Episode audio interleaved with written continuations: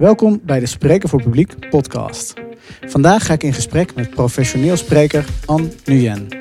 Hij is over de hele wereld gevraagd als inspirational speaker, maar hij begon zijn carrière als standaard.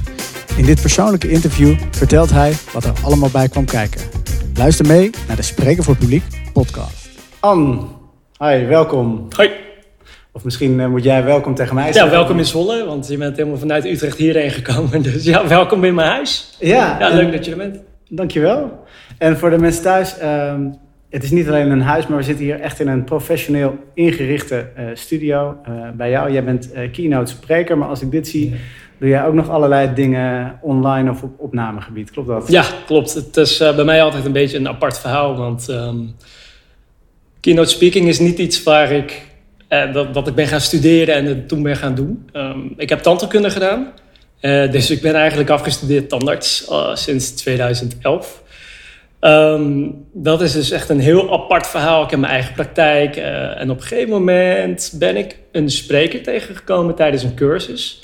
En die inspireerde mij zo erg. Die, die, die, die, die deed mijn wereld helemaal opengaan wat betreft spreken. Waardoor ik zag wat je kon bereiken met goed spreken. En toen dacht ik op dat moment, dat was 2014. Toen dacht ik, ja, maar wat jij doet, dat wil ik ook gaan doen. Dus ehm, ik heb hem daarom ook op, eh, op aangesproken. En toen heeft hij me eigenlijk een beetje meegenomen in het sprekerscircuit. Eh, min of meer getraind. En toen ben ik het gewoon gaan doen. Dat is nu inmiddels vijf jaar geleden en steeds werd het beter. Maar aan de andere kant ook, ik ben iemand die zichzelf ook heel snel verveelt. Dus als ik iets leuks zie, dan wil ik het ook kunnen. En mijn fascinatie vroeger was altijd visuals. Dus films, tv, foto's, vond ik allemaal mooi. En eh, toen ben ik nog een opleiding eh, tot filmmaker gaan doen in Amsterdam eh, van 2016 tot 2018. En zodoende dat ik al deze studiospullen heb hier. We gingen even in vogelvlucht eigenlijk door jouw achtergrond heen. Ja. Je zegt, ik ben begonnen als standaard. Toen ben ik spreker geworden en eh, ik doe ook nog eh, wat met film. Ja. Zullen we die eens even gaan afpellen bij het begin? Ja, is goed. Eh, je, je, je was standaard, je bent ook nog... Ik ben tandarts, inderdaad. vier halve dagen in de week. Ehm, ik heb het eh, zes, zeven jaar lang eigenlijk meer dan fulltime gedaan. Echt aan de stoel zitten, klinische uren. Ehm, maar ik merkte ook dat op een gegeven moment dat ik dacht van... ja, dit ga ik niet meer 40 jaar doen. Dit, dit is niet waar mijn hart ligt. Eh, dus toen ben ik verder gaan zoeken. En toen heb ik echt geluisterd naar mezelf in die zin van... wat vind ik echt leuk om te doen? Wat, eh, wat maakt nou echt impact? En zo kwam ik dus uit op het spreken. Ehm, Was, was dat ook een cursus? Want je zei net van, ik zag iemand op een cursus. ja, Wat voor cursus? Was, was dat iets... het was, het eh, was een tandheelkundige cursus. Maar kijk, ik heb al die cursussen had ik allemaal wel gedaan. Vond ik allemaal saai. Totdat ik diegene tegenkwam. Eh, zijn naam is Florin, eh, het is een Roemeen. En eh, toen, toen ik daar kwam, toen zag ik iemand. Hij, hij doseerde wel tandheelkunde, maar in een verhalende vorm. Met allemaal analogieën, met allemaal oude, oude vergelijkingen die mij echt fascineerden. En ineens dacht ik, ja, maar zo onthoud ik dingen. Dus je kan eigenlijk met zo'n verhaal... Want je zegt ta- tandheelkunde, daar lag mijn hart niet. Maar als je deze man erover hoort praten, dan voel je misschien bijna weer... Nou, niet zozeer. Kijk, het tandkunde is heel breed. Eh, je, kunt, je, je studeert af, je wordt algemeen practicus. Dus de, de, de, de tandarts die alles kan doen. Ik kwam er heel snel achter dat dat niet mijn ding was. Een, een algemeen technicus zijn eigenlijk. En als ik iets doe, wil ik het best wel goed doen. En dan wil ik heel graag ergens volledig de diepte induiken. En dus specialiseren daarin. Dus ik heb toen een, een richting gekozen. Dat was voor mij esthetische tandheelkunde, restauratieve tandheelkunde. Het, het rehabiliteren van, van ja, gebitten. Eh, en toen ben ik daar ingedoken en hij was daar een autoriteit op dat gebied. En ja, toen, toen, toen kwam ik erachter van, goh, het is leuk hè, wa- wat ik van je leer. En daar ben ik ook in verder gegaan. En, eh, maar los daarvan heeft het me dus ook geïnspireerd om te gaan spreken. Omdat ik gewoon zag wat voor impact je kunt hebben. En dan, en dan voel je dus ergens dat moment van, goh, ik wil dat ook. Ik wil eh, gaan spreken. Ja. Eh, waar begin je? Hoe pak je dat aan? Wat heb je gedaan? Ehm, ik ben naar uh, Florin toegegaan en ik zei, "De, gast, wat jij doet, eh, ik wil dat ook gaan doen. En toen zei hij, nou oké, er zijn een paar, hij deed het al jaren over de hele wereld. Die kerel die vliegt, die vliegt de wereld vijf keer rond in een jaar. En er zijn, er zijn een paar regels ehm, die ik je wil leren. En daarna moet je jezelf gewoon eventjes redden. En in onze uh, tandheelkundegebied zei hij... het eerste wat je moet doen is laten zien dat je een goede tandarts bent. Want als je niet de wapenfeiten hebt... dan gaat niemand naar je luisteren. Dus één, bouw autoriteit, technisch gezien. Ja. Twee is, jezelf, uh, positioneer jezelf goed in de markt. Dat wil dus zeggen, vraag wat je waard bent. Ook vanaf het begin. Dus de fee die jij zult vragen, moet je sowieso niet te laag zetten. Maar reken uit wat je waard bent. Vraag het ook. En ga daar niet onder zitten, want anders concurreer je met jezelf. En de sprekerswereld is altijd klein. Dus hè, als ik het voor de ene persoon voor x duizend doe en bij de andere persoon, nou, omdat ik hem leuk vind, voor ietsje minder, dan heb je problemen over een paar, over een paar jaar. En de derde is, uh, bouw een goed verhaal. Ga niet uh, technisch op dingen in zitten rammen. En uh, zorg ervoor dat het mensen engaged. En aan die, drie dingen heb ik ontzettend veel gehad. Ja, ja, ja nou, het ruikt me wel wat, wat hij zegt. Want hij zegt in eerste instantie, voordat je begint aan dat verhaal, moet je dus je wapenfeit, je moet iets meegemaakt hebben, ja. je moet iets doen om ja. ergens over te ja. uh, kunnen praten. Ja. Uh, nou, je bent acht jaar uh, tandarts geweest. Is dat nu waar je over, over spreekt? Over je tijd Nee, eigenlijk niet. Het is, ik, ik ben op een gegeven moment twee, twee sporen gaan lopen. Eén tandheelkundig, echt puur tandheelkundig, omdat omdat ik met hem, um, hij heeft mij min of meer eigenlijk opgeleid in hetgene wat ik nu doe. En hij was op dat moment de enige grote autoriteit wat dat betreft. Nou, ik ben met hem meegegaan daarin en daarom werd ik bij proxy ook een autoriteit daarin. Ja. Dus ik ging in de tandheelkundige wereld ging ik dingen doen. En daar ging ik cursussen geven. En dat deed ik anderhalf, twee jaar. Echt uitsluitend tandheelkunde, maar wel met de trucjes van mijn eigen stijl erin. op een gegeven moment dacht ik, ja, maar ik vind het ook heel leuk om corporate dingen te gaan doen. Um, om eigenlijk mensen te trainen er ook in. Want op een gegeven moment kreeg ik ook de vraag na elke kino die ik gaf over tandheelkunde van, maar hey, hoe heb jij dit geleerd? Of ben je op training geweest? Of hoe heb je dit gedaan? En mijn antwoord was altijd hetzelfde. Um, ik, heb, uh, ja, ik heb gewoon alle TED Talks gekeken die ik kon zien. Ik heb gekeken wat de overeenkomsten waren hierin. Ik heb een systeem gemaakt voor mezelf daarin. En dat systeem ben ik uiteindelijk uit gaan breiden. En zo bouw ik mijn keynotes. En op een gegeven moment dacht ik ook van ja, maar als ik 50 keer deze vraag krijg, dan zit daar een markt. Jij, dus, jij, jij, noemt, dat, jij noemt dat nu keynote. En, en want je bent misschien wel naast Florin die je noemt. In, in die tandartsenwereld, ik denk dat de gemiddelde spreker of iemand die een cursus geeft, die noemt zichzelf geen keynote spreker. Of die noemt dat geen Nee, het zijn vaak clinicians, trainers, lecturers, wordt heel vaak gebruikt. En ik differentieerde mezelf daar ook echt in, omdat ik uh, mensen iets anders wilde leren. Ik wist dat ze kwamen voor tandheelkunde, dus ze kwamen voor een techniek of hoe ik dingen doe. Maar ik wist ook dat dat kunnen ze overal krijgen. Weet je, je zelfs ga naar YouTube. Je kunt alles leren op YouTube. Kennis is overal tegenwoordig. Je, weet, je moet het gewoon weten te vinden. Dus toen dacht ik ook, deze mensen zitten in de zaal om iets van mij te leren. En wat nou als ik ze iets anders ga geven wat veel groter is dan tandheelkunde, maar mijn taal daarin is tandheelkunde. Mijn taal, de taal die ik met ze spreek, is hetgene waar ze voor komen. Ik, maar ik, ik, ik hou nu al eindelijk, maar ik ben heel benieuwd wat dat dan is. Want je zegt, ik ga ze geen kennis geven over tandheelkunde. Ik ja. snap het, het staat op YouTube, het staat natuurlijk ook in de boeken. Ja. En in de, je kunt stage lopen bij iemand die beter is. Ja. Maar wat, wat, wat is dat grotere dan dat je ze geeft? Ja, het grotere aspect, daar ben ik over na gaan denken. Het, het grotere aspect voor mij, waarom Florin voor mij zoveel impact heeft gehad, is hij heeft gewoon eigenlijk een heel groot deel van mijn leven veranderd. Door me te inspireren om iets te doen. Uh, want ik zag de tante kunnen niet meer zitten. Ik dacht, ja, maar dit is het niet. Weet je, ik ga dit niet meer 40 jaar doen. Kijk, dat heb ik nu nog steeds, maar op een hele andere manier. Maar doordat hij mij iets gaf, waardoor ik een soort zinsgeving kreeg. En dacht, ja, maar verdomd. Ik, ik, ben nu ik ben geïnspireerd, ik ben gemotiveerd. Het is iets anders dan dat ik in de collegebank of al die andere cursussen ga. Waarin ze me kennis geven als ik alsof ik een soort foie gras gans ben door mijn strot, zeg maar. Maar deze jongen die doet iets, die stimuleert mij om iets te doen. En ik ga het uit mezelf doen. Dus toen ben ik gaan zoeken van waar is iedereen, ieder mens universeel naar op zoek. En daar ontkomt geen mens aan. En er zijn gewoon bepaalde thema's die in al onze levens terugkomen. En omdat ik de tandartsenwereld zo goed ken, weet ik ook uh, wat het bij tandartsen is. Eén is um, zinsgeving. Ja. Dus van, wat, wat, doe ik hier op aarde? Um, wat, is, uh, wat is mijn grote missie? Niet gaatjes vullen, niet de hele dag op kantoor zitten, niet accountant zijn.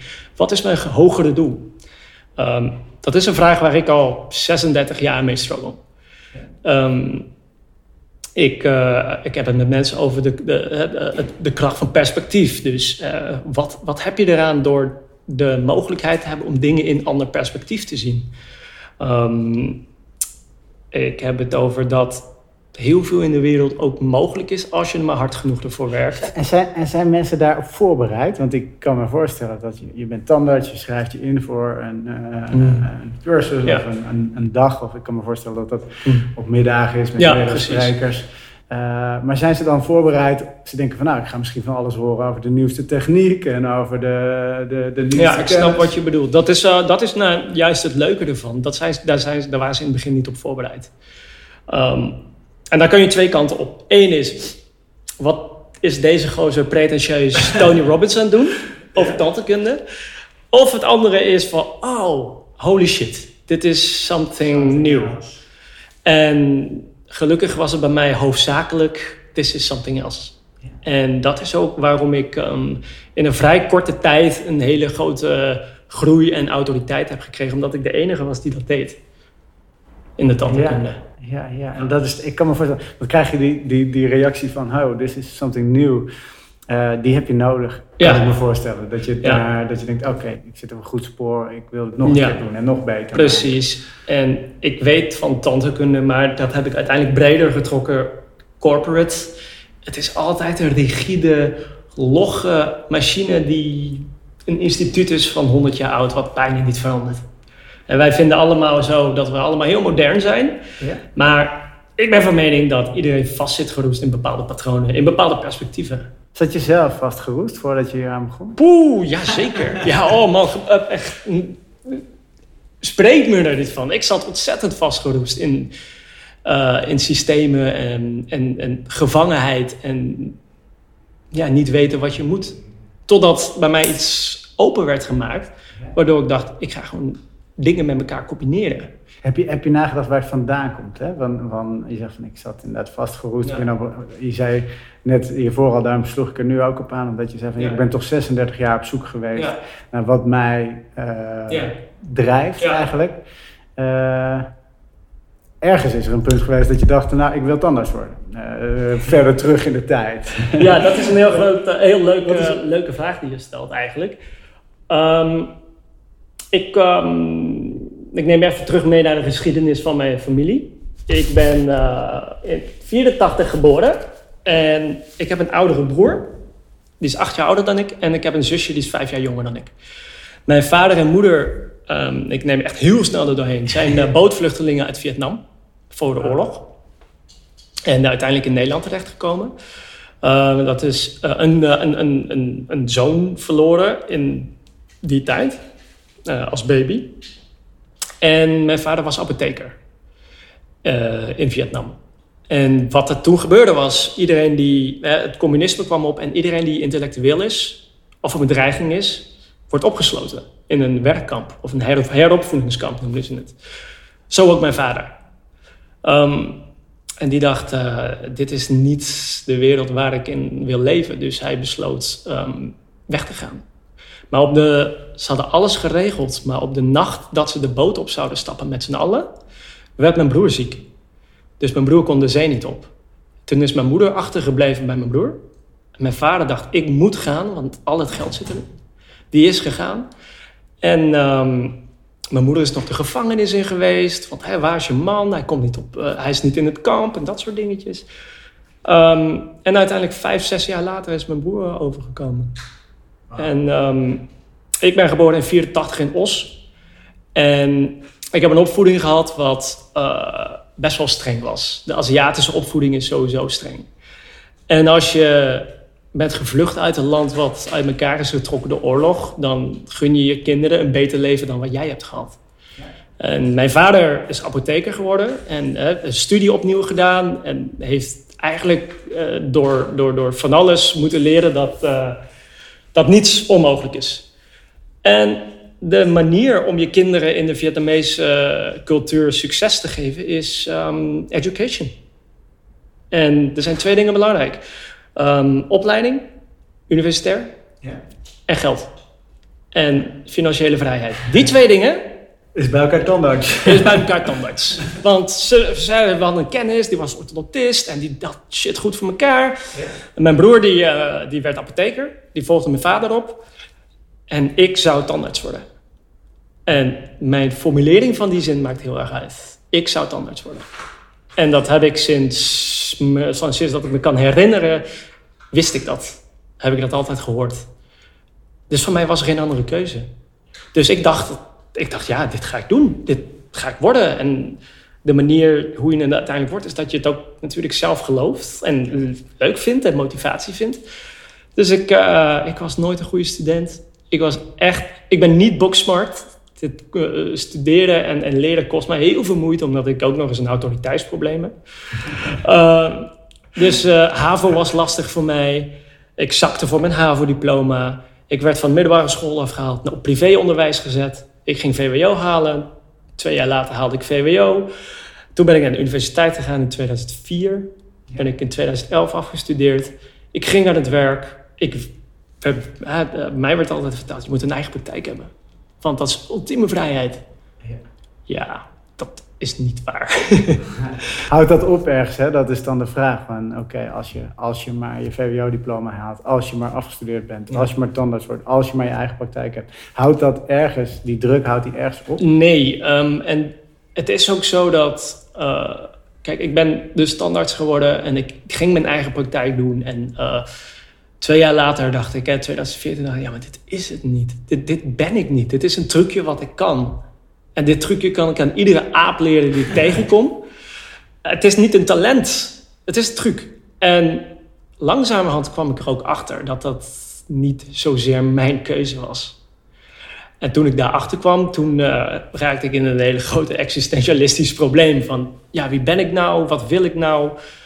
Uh, ja, is dit, uh, kan ik, ga ik dit voor altijd doen? Ik heb echt een, een schuld van, heb ik jou daar, om die, door die praktijk op te zetten. de bank moet iedere maand onverbiddelijk betaald worden met die lening. Um, wat wil ik?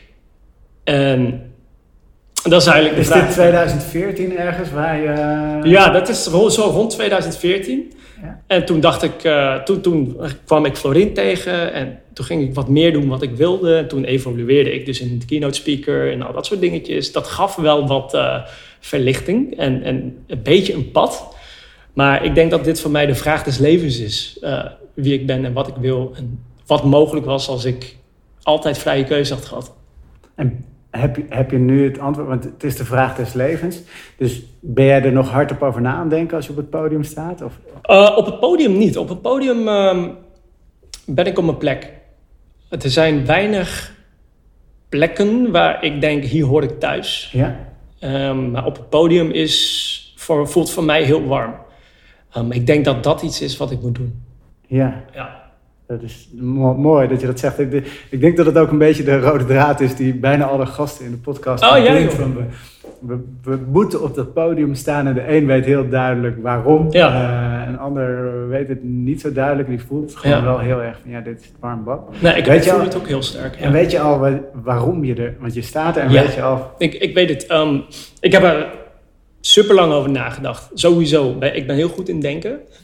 En het komt neer op, toen ik opgroeide, had ik gewoon geen stem. En uh, je, groeit op met be humble, uh, niet excel in iets. Steek je kop niet boven het maaiveld uit. maaiveld uit. wees dankbaar, wees, wees nederig bijna. En omdat ik, ik was van onze drie, mijn broer en mijn zus, ik was ook de odd one out. Um, mijn broer was echt briljant op school luisterde goed naar zijn ouders. ik was eh, niet zo goed op school. Ehm, en ik zat in mijn eigen wereld. Ik wilde mijn eigen ding doen. Alleen omdat dat niet mocht, deed ik het stiekem. Dus ik werd heel goed in een soort van deception en beïnvloeding van, van mijn ouders. En die vloek eigenlijk, dat ik goed kon, die weet ik nu om te zetten. In, omdat ik snap hoe beïnvloeding werkt, ehm, heb ik gezien dat, hey, ik heb vroeger geen stem gehad. Dit is mijn manier om een stem te hebben en om andere mensen daarmee te helpen. En ik snap heel goed wat influencing is, uh, persuasion is. Ik werk notabene als tandarts. Uh, ik heb de hele dag te maken met mensen die niet bij mij in de stoel willen zitten. Omdat het bloed, zweet en tranen is. En het is heel veel geld, het is duur. En ik moet ze overtuigen waarom ze toch iets moeten doen wat beter is voor hun. En ik heb daar boeken over gelezen. Dus ik heb daar, het heeft me heel erg geholpen in mijn communicatiestijlen en de manier, de dingen die ik op het podium leer en doe. Is dat, dat is wel grappig. Je had net uh, Tony Robbins aan. Ja. En ik heb toevallig uh, van de week uh, zijn docu ook zitten kijken op Netflix. I'm not, I'm not your guru. Ja, ja en, en daar zie je zo'n scène. Het is geloof ik de openingsscène dat... dat hij eigenlijk een, een, meisje laat inzien van dat haar vader mm. zowel haar vloek is, maar ook haar zegen. Ja. Want zij is, die vader is dan een, een drugsgebruiker. Ja, dat meisje met haar moeder. Ja. Maar het is uh, het inzicht wat hij geeft is bij jou. Je moet hem keihard kwalijk nemen wat hij allemaal fout heeft gedaan. Maar je moet het ook omarmen voor wat het jou gegeven heeft. En kun jij nu jouw tandarts, uh, de druk die op jou heeft gelegen om tandarts te worden, zeg maar, kun je dat al zien als, als een zegen? Of is het. Uh... Um, nou ja, dat is heel breed. In die zin, kijk, ik, ik, ik trek niet eens alleen maar op als tandarts worden. Dat, dat is echt profession. Maar. Um, als ik het groter trek, eh, ben ik echt wel opgegroeid in een, in, in, een huishouden waar heel veel druk en verwachting was. Ja. En druk en verwachting naar wat wij vinden dat jij moet doen. Dus er was geen ruimte voor Aziatische cultuur, persoonlijke ontwikkeling. Nope. Praat daar over gevoelens? Nee, die bestaan niet. je gaat gewoon door. Weet je? Dus ik was daar heel lang heel boos over. Um, zodanig ook dat het mijn hele relatie met mijn ouders had verstoord. Uh, omdat ik geen relatie met ze had. Ze stonden zo ver van mij weg. Um, ja, ik heb daar tot aan 2007, 2009 had ik daar problemen mee. En toen ben ik ook hulp gaan zoeken daarvoor. Want ik zei, ik snap het gewoon niet. Ik wil gewoon begrijpen waarom ze dit hebben gedaan. Of waarom ik dit moest doen. Waarom werd ik niet als persoon gezien. Maar als jij moet in dit keurslijf passen. Dan ben je goed genoeg. Je bent goed genoeg als. En dat heeft mij uh, vroeger um, ja, echt wel uh, heel veel pijn gedaan, omdat ik het idee had dat ik niet werd gezien. Dus die woede, die heb ik heel lang met me meegedragen als een soort gif waarvan ik wou dat iemand anders doodgaat, uh, figuurlijk gesproken. Sinds nou, een goede tien jaar begrijp ik het. En is de woede, de anger is wel weggetrokken. Maar pas sinds nou, twee jaar um, heb ik ook meer uh, dat, ik het, dat ik er compassie voor kan hebben. Voor hun. Ja, ja dat ik het begrijp. Dus weet dat het tien jaar tussen, tussen, tussen ja, het begin van begrip en... Tot aan acceptatie en compassie en zeggen, weet je jongens, het heeft me ook ontzettend veel goeds gebracht. Um, zonder wat ik allemaal met jullie heb meegemaakt, uh, had ik geen doorzettingsvermogen gehad misschien. Of uh, de, gaf ik misschien eerder op. Ik heb wel altijd wat dat betreft gekregen wat ik nodig had, materieel gezien. Wat ik eigenlijk tekort kwam, was emotioneel gezien. En zodra je, Tony Robbins zegt het ook, alles wat iemand doet, elke keuze die ze maken, is of uit liefde of uit pijn. Ja. En ja, mijn ouders hebben heel veel pijn gekend. En dat, dat straalt af op je, je, je, volgende generatie als je het niet zelf oplost. En ik weet zeker dat zij het niet hebben opgelost. Dus wij dragen daar een stuk van mee. Dus ja, daar, daar kan ik alleen maar compassie voor hebben. En ik weet dat ze het uit liefde doen, omdat ze het beste voor ons willen. Uh, alleen het was misschien niet de beste manier. Voor mij, in ieder geval. Nee.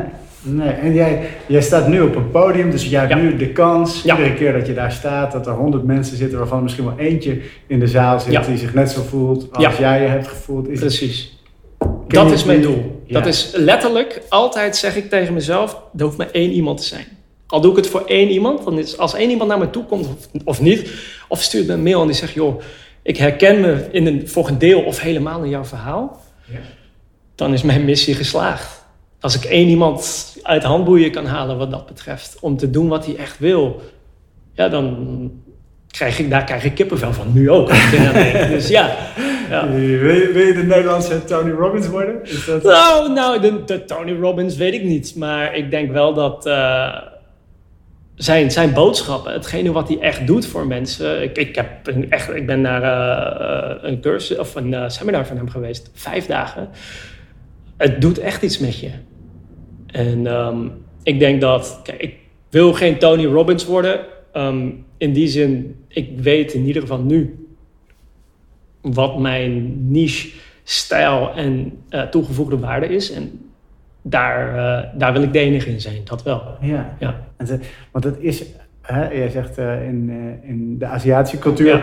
praten we te weinig met, eh, met de kinderen. Volgens mij in de Nederlandse Calvinistische cultuur misschien ook wel, eh, zeker de generatie eh, eh, Mhm. eh, Mhm. boven ons. Is dit iets wat, wat nog mist eigenlijk in de Nederlandse of in de Aziatische cultuur? Dat je je kop boven het maaiveld uit gaat steken of dat je gaat doen waar je echt gelukkig van wordt. Ja, het, het lastige in de Aziatische cultuur is ook... ehm, ik heb daar een boek over gelezen eh, van Malcolm Gladwell. Ja. Ehm, Outliers heet het. En daarin beschrijft hij eigenlijk heel mooi hoe deze cultuur tot stand is gekomen. Ehm, en dat kwam eh, hè, vroeger, vroeger, vroeger, je werkte op rijstvelden in Azië. En dat was seasonal. Als je een goed seizoen had, dan was er veel rijst. Als je een slecht seizoen had, was er geen rijst, geen inkomen. Dus als er een goed seizoen was, moest je gewoon keihard gaan werken om al je inkomen binnen te halen. Ehm, ja, en dat is van generatie op generatie is dat doorgegaan. Hard werken is succes, is zekerheid. Het zou voor mij heel bevrijdend zijn als een nieuwe generatie Aziatische ouders, maar misschien ouders in het algemeen, opgroeit ehm, zonder een angst voor tekort. Geen tekort mindset. Misschien wel een overvloed mindset. En dat ehm, minder ook genoeg is. Ja, en daar hoort dan ook bij. Je hoeft niet elke dag te werken. Je mag eens een keertje nieuws verzinnen of iets nieuws proberen. Ja. Of, Zeker met aankomende... De, de, ik ben echt de ras, echt een millennial. Ik heb echt alle millennial traps gehad. Eh, eh, wij kunnen niet, spreek ik voor een generatie nu... Wij kunnen gewoon niet ons committen aan één ding voor een leven lang. Dat, dat, nee, dat, als ik dat doe, dan sterft mijn ziel. Ja, maar dat is wel, want je zegt als spreker ben ik thuis op het podium. Denk je dat er een dag komt dat je er daar dan ook genoeg van krijgt? Dat je het podium verlaat? Wat dat betreft ehm, doe ik genoeg dingen eromheen. Om het ook gevarieerd te houden. Maar ik, ik voel gewoon dat dat homebase is. Ja. En dat is mijn manier om impact te hebben op een grotere schaal. Eh, je kunt één op één met mensen, coaching bijvoorbeeld, is heel erg één op één. is ook ontzettend leuk, doe ik ook. Mentoring, coaching, eh, dat soort dingen. Maar op een podium met een schijnwerper op je, doe je het per honderd tegelijkertijd. Precies. En, wat is, en waar gaat dat naartoe? Want het zijn er nu honderd. Wa- Wat, wat wil jij de komende jaren zien, meemaken? Ik zou heel graag ehm, een zaal van 5000 lijkt me echt kicken, minimaal. Ja. Ja, eh, ik, als ik groot mag dromen, 20.000. Ja, dat is niet hier in Nederland. Dat is niet iets wat heel snel hier zou gebeuren. Eh, de podia die daar meer en eh, daarvoor geschikt zijn en waar de, de markt ook is, dat is eh, Amerika. Ja, en dan, dan denk ik 20.000 man, dat zijn die, die, die grote hallen. Ja, Kun je, kun je dan nog impact maken voor juist voor die 20.000 man? Of? het, eh, het lijkt mij een hele leuke uitdaging. Stel je zou zeggen, hey, morgen ga je het doen. Ik ga het doen. Ik, ik, ik heb mijn verhaal. Ik weet mijn ding. Ik ga het doen. Eh, ik, ken iemand die dit, ik ken iemand die dit doet. Eh, voor dat soort getallen heeft hij gestaan. En ik denk dat juist dan is de kick voor mij nog meer om een, eh, om een, een, een pin drop te horen, te horen vallen in die zaal. Ik denk dat het kan. Ja, is echt die, die doodse stilte. Ja. En, en, en jouw verhaal, kan jouw verhaal ook door anderen verteld worden? Of moet je het altijd zelf doen? Mm, nee, ik denk dat ik de enige ben die het kan. Want ik ben de enige die het pad heeft bewandeld en heeft gevoeld en doormaakt wat ik doormaak. Dus in die zin denk ik niet, gewoon storytelling technisch gezien, kun je niet iets vertellen alsof het van jou is als het niet van jou is. Dus ik geloof dat, uh, en dat geloof ik voor iedere spreker die zijn eigen verhaal heeft, ja, ja dat, dat, is de uitgelezen persoon om het te, te doen. Uh, je kunt het wel faken, maar dat, dat komt toch niet en, helemaal... En, denk je dat iedereen zo'n verhaal heeft dan? Dat is wel... Ik ben ervan overtuigd dat iedereen een verhaal heeft. Uh, in, in, ja, ik, als ik mensen train of coach, dan zeg ik... Dan, dat is ook waar ik van uitga. Je hebt een verhaal. Uh, je kunt van tien dingen verhalen verzinnen op een dag. Uh, van hele mundane, triviale dingetjes. Ja. Dat je denkt, goh, dit, dit is een analogie voor iets. Zo, en zo zit ik in mijn hoofd de constructen te maken voor mijn storybag eigenlijk. Die ik dan tevoorschijn, tevoorschijn trek als ik een keynote aan het voorbereiden ben. Ja, precies. Ja. En word je daar wel eens gek van? Want als je, als je zegt van ik, ja. ik bedenk tien verhalen, dus, oh ik sta bij de slagboom te wachten en gaat niet open. Ah, daar heb ik weer een andere Ja, mijn, mijn hoofd is mijn grootste vijand. Ja. Um, ik kan uh, mezelf letterlijk gek denken. En dat is ook iets waar ik nu gewoon heel, uh, soms heel erg veel last van heb omdat uh, ze zeggen wel eens dat je een mens heeft 60.000 gedachten per dag. Ja, het, het, leek voor mij heel lang wel alsof ik er 100.000 had. En ik zeg ook altijd dat ik, ik heb het shiny object syndroom. Het, nou, ik ben als een exter die een, iets glimmends ziet en het dan moet hebben. Zo ben ik. Als ik iets glimmends zie, dan moet ik het kunnen, hebben of doen. En daardoor wordt het ook allemaal nog erger en nog meer. En de druk om dan ook succesvol te zijn daarin wordt nog groter. Ieder, ieder weldenkend mens uh, bezwijkt daaronder. Het, is, uh, zo het, is, ja, het, het ja. klinkt bijna obsessief. Als je, ja. Uh, ja. Ehm, kun, je dat uitzetten op de een of andere manier? Ik ben nu in het proces dat ik met mensen, dat, dat ik daar hulp voor, voor krijg om het uit te zetten. omdat het gewoon niet sustainable was. En ja, de boodschap die ik als eerste kreeg was: hey, jij gaat minder doen. Jij gaat minder werken, de helft. En dan ga jij smiddags thuis niks doen. Nou, ik dacht, dan ga ik, nee, dat gaat niet gebeuren. Maar ja, het, inmiddels doe ik dit al nu negen maanden. En ik merk toch echt, less is more. Ja. ja, en ik krijg dan rust in mijn hoofd. Ik heb heel veel zaken die misschien niet zo belangrijk waren, gewoon laten liggen. Uh, ik probeer me te uh, concentreren op de essentials. En dat gaat beter en geeft meer rust. Kijk, en, ja. en dan vormt er zich langzaam weer een nieuwe boodschap. Weer nieuwe, ja. ja in, die tijd, in die negen maanden heb ik weer een start-up gestart. dus ja. Uh, maar wel, ik, ik zie dat uh, bij mij ontbrak het aan uh, present zijn ja. waar ik was. Dus tijdens mijn gekste, mijn gekste sprekersmaand, dus drie jaar geleden, was juni drie jaar geleden, 2017 ik werkte vier dagen in de praktijk, vier klinische dagen, volledig van 8 tot 5. Ik vloog op vrijdag weg. Ja. Ik sprak één of twee dagen. Dan vloog ik op zondag terug.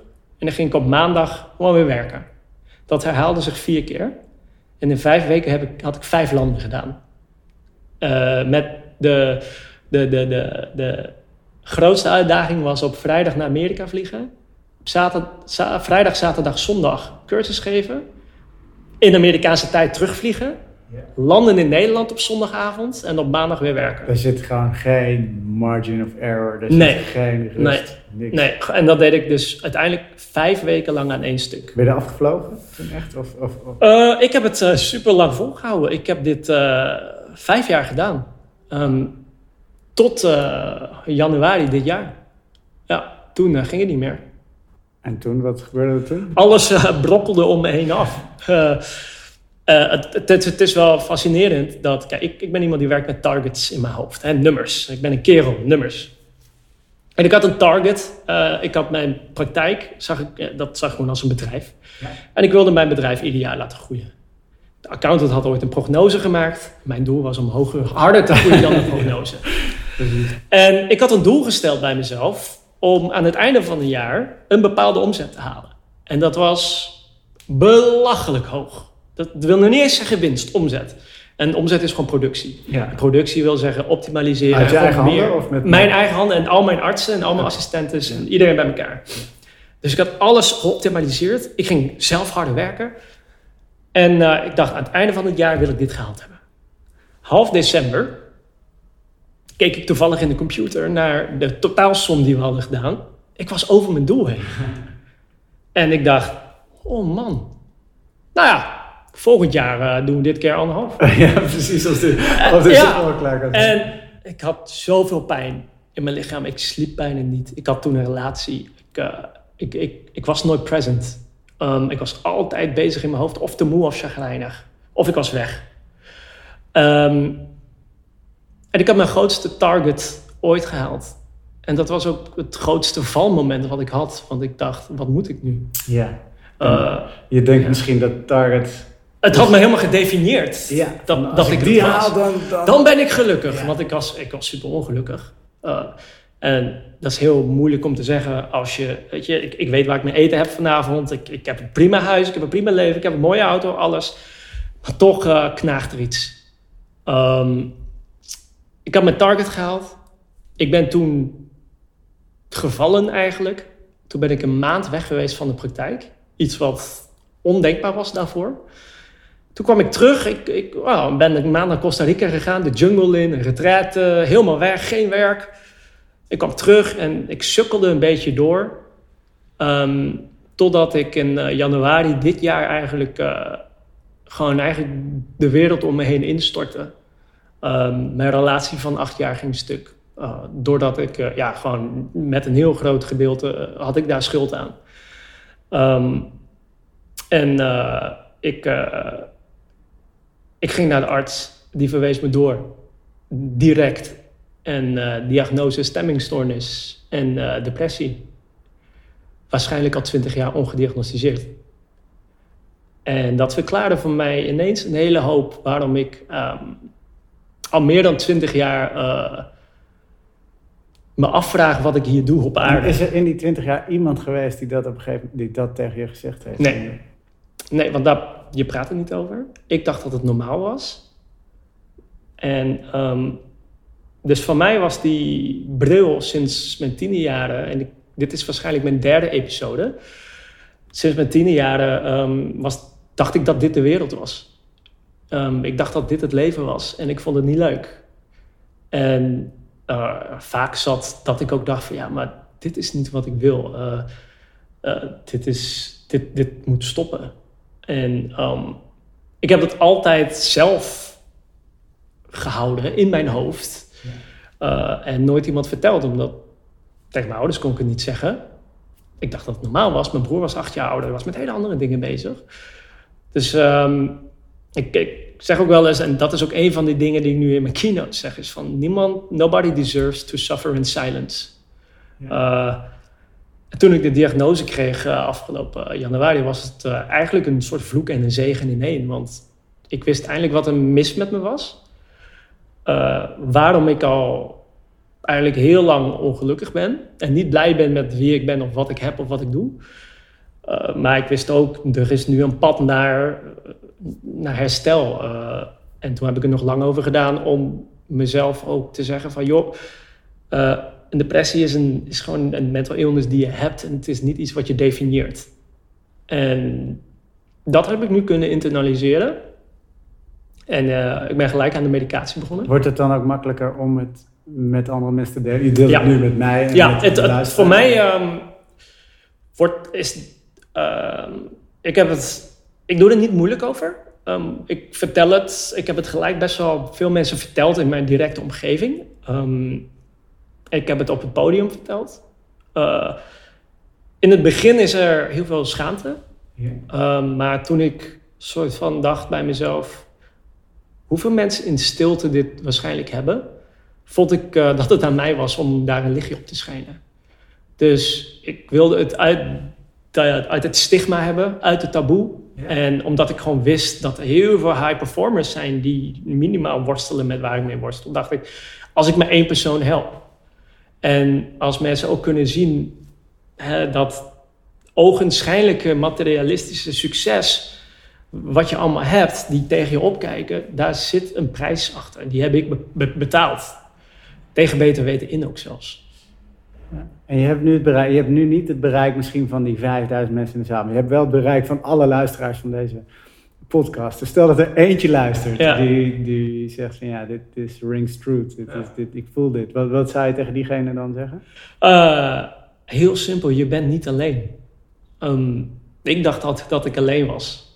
En nu blijkt dat er heel veel mensen die in stilte kampen met problemen, denken dat ze de enige zijn. Ja. En daardoor eh, eh, gewoon volledig eraan onderdoor gaan terwijl het niet nodig is. En het inzien is, het toegeven aan jezelf is super moeilijk. Maar het pad van herstel is het waard. En ik weet nog dat eh, mijn behandelaar, die zei de eerste sessie dat ik daar zat, zei ze: Ik weet dat jij dit nu niet kunt zien, eh, maar je zult herstellen en het leven kan ook leuk zijn. En ik zei ook tegen haar: Ja, maar no fucking way. Weet je wel? Maar eh, kijk, ik zit nu negen maanden in het proces en bij no means ben ik er of wat dan ook. Maar ik merk wel dat er iets anders is dan die duisterheid waar ik in zat. Ja, dus dat is eh, wat ik jouw luisteraar, die, die ene die struggelt, mee wil geven. Ja, Ja. wauw. Zullen we hiermee eh, afsluiten? Yes, dankjewel. Ja, dankjewel voor het mooie gesprek. Top.